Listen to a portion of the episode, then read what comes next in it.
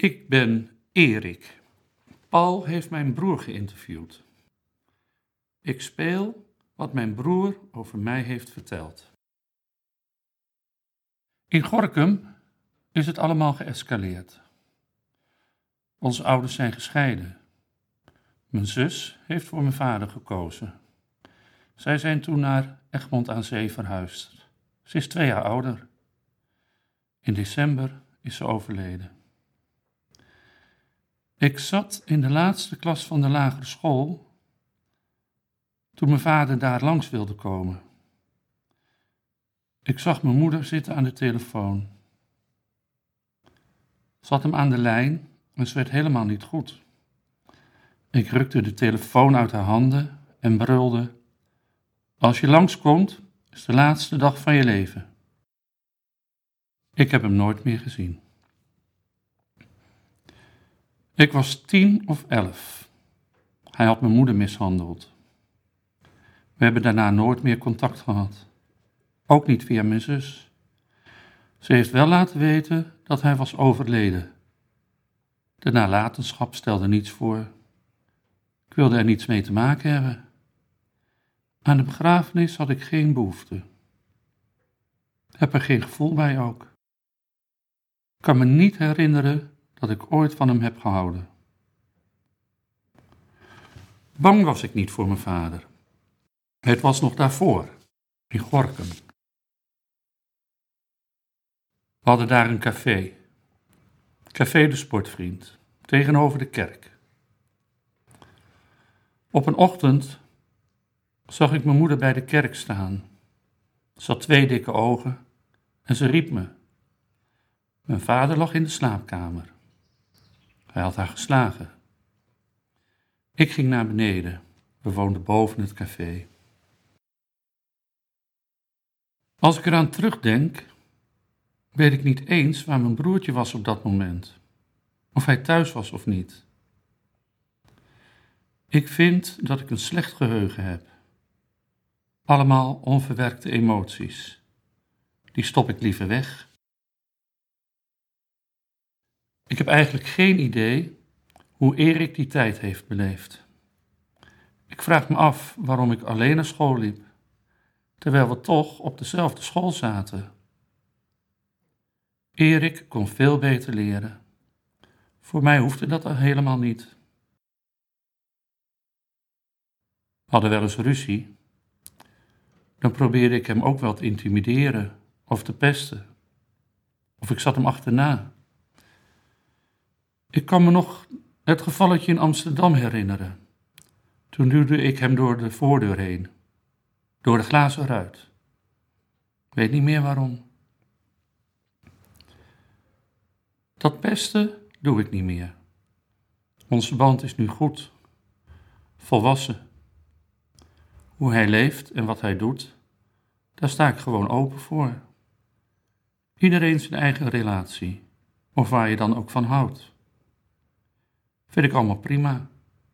Iedereen zijn eigen geaardheid. Erik had ook een vriend in Dordrecht. Ook een normale jongen. Nooit problemen mee gehad. Er is weinig over van mijn familie. Alweer 17 jaar geleden dat ik ben gescheiden. Ik heb een broertje nog en mijn twee kinderen. Mijn zoon is een enfant terrible zoals ik vroeger was, maar minder verantwoordelijk. Ik heb zijn opvoeding gemist, van zijn tiende tot zijn negentiende. Kan hem nu niet meer corrigeren. Hij woonde bij zijn moeder. Die heeft hem de deur uitgezet. Nu is hij dakloos. Ik heb hem al drie weken niet gezien. Geen idee waar hij uithangt. Erik heeft hem ook al een jaar of drie, vier niet gezien.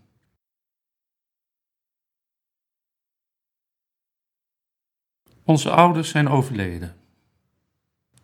Moeder eerst, 360 dagen daarna onze vader. Ze hadden een beslissing genomen over euthanasie. Wat vind jij daarvan? Ik vind daar niets van, dat is een beslissing. Mijn moeder zei: Ik ga niet in een behandelprocedure. Dat is niet aan de orde. Nou, zo denk ik er ook over. En toen vertrok mijn moeder.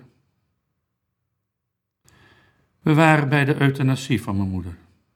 Alle drie, mijn zus ook.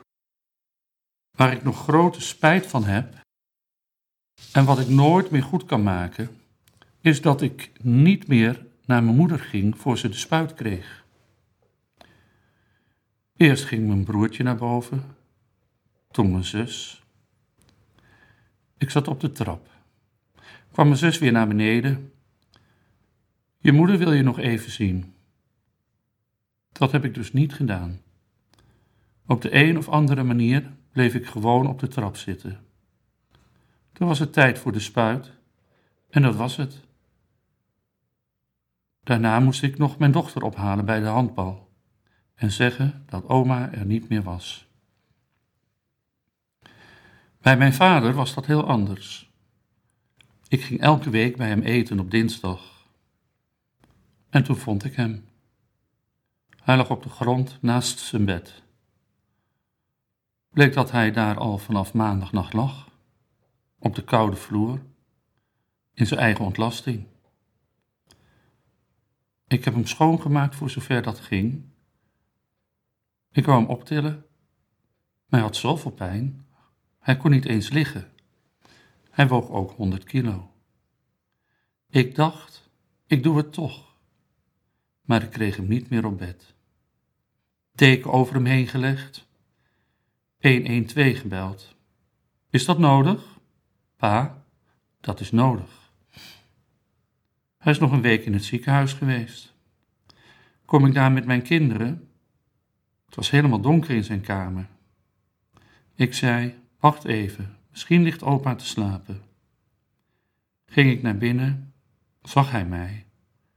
Zei hij: Ik wil dood. Ik wil dood. Ik zei: Oké, pa. Dan gaan we dat regelen. We hebben het thuis laten gebeuren. Stonden met z'n allen rond zijn bed. Erik ook. Of mijn zus er was, weet ik niet meer. Ik weet nog wel die spuit en dat hij zei: Daar komt het. Erik en ik hebben elkaar ook wel eens jaren niet gezien. Maar nu doen we maandelijks een bakkie. Gewoon even bijkletsen. Over het werk of over corona. Ik neem het me altijd voor ernaar te vragen, maar over de liefde vergeet ik steeds te beginnen. Dan praten we toch weer over andere dingen. Ga ik naar huis en denk, dat had ik moeten vragen. Hoe is het met de liefde? Nog iets leuks tegengekomen? Maar dat vergeten we dan allebei.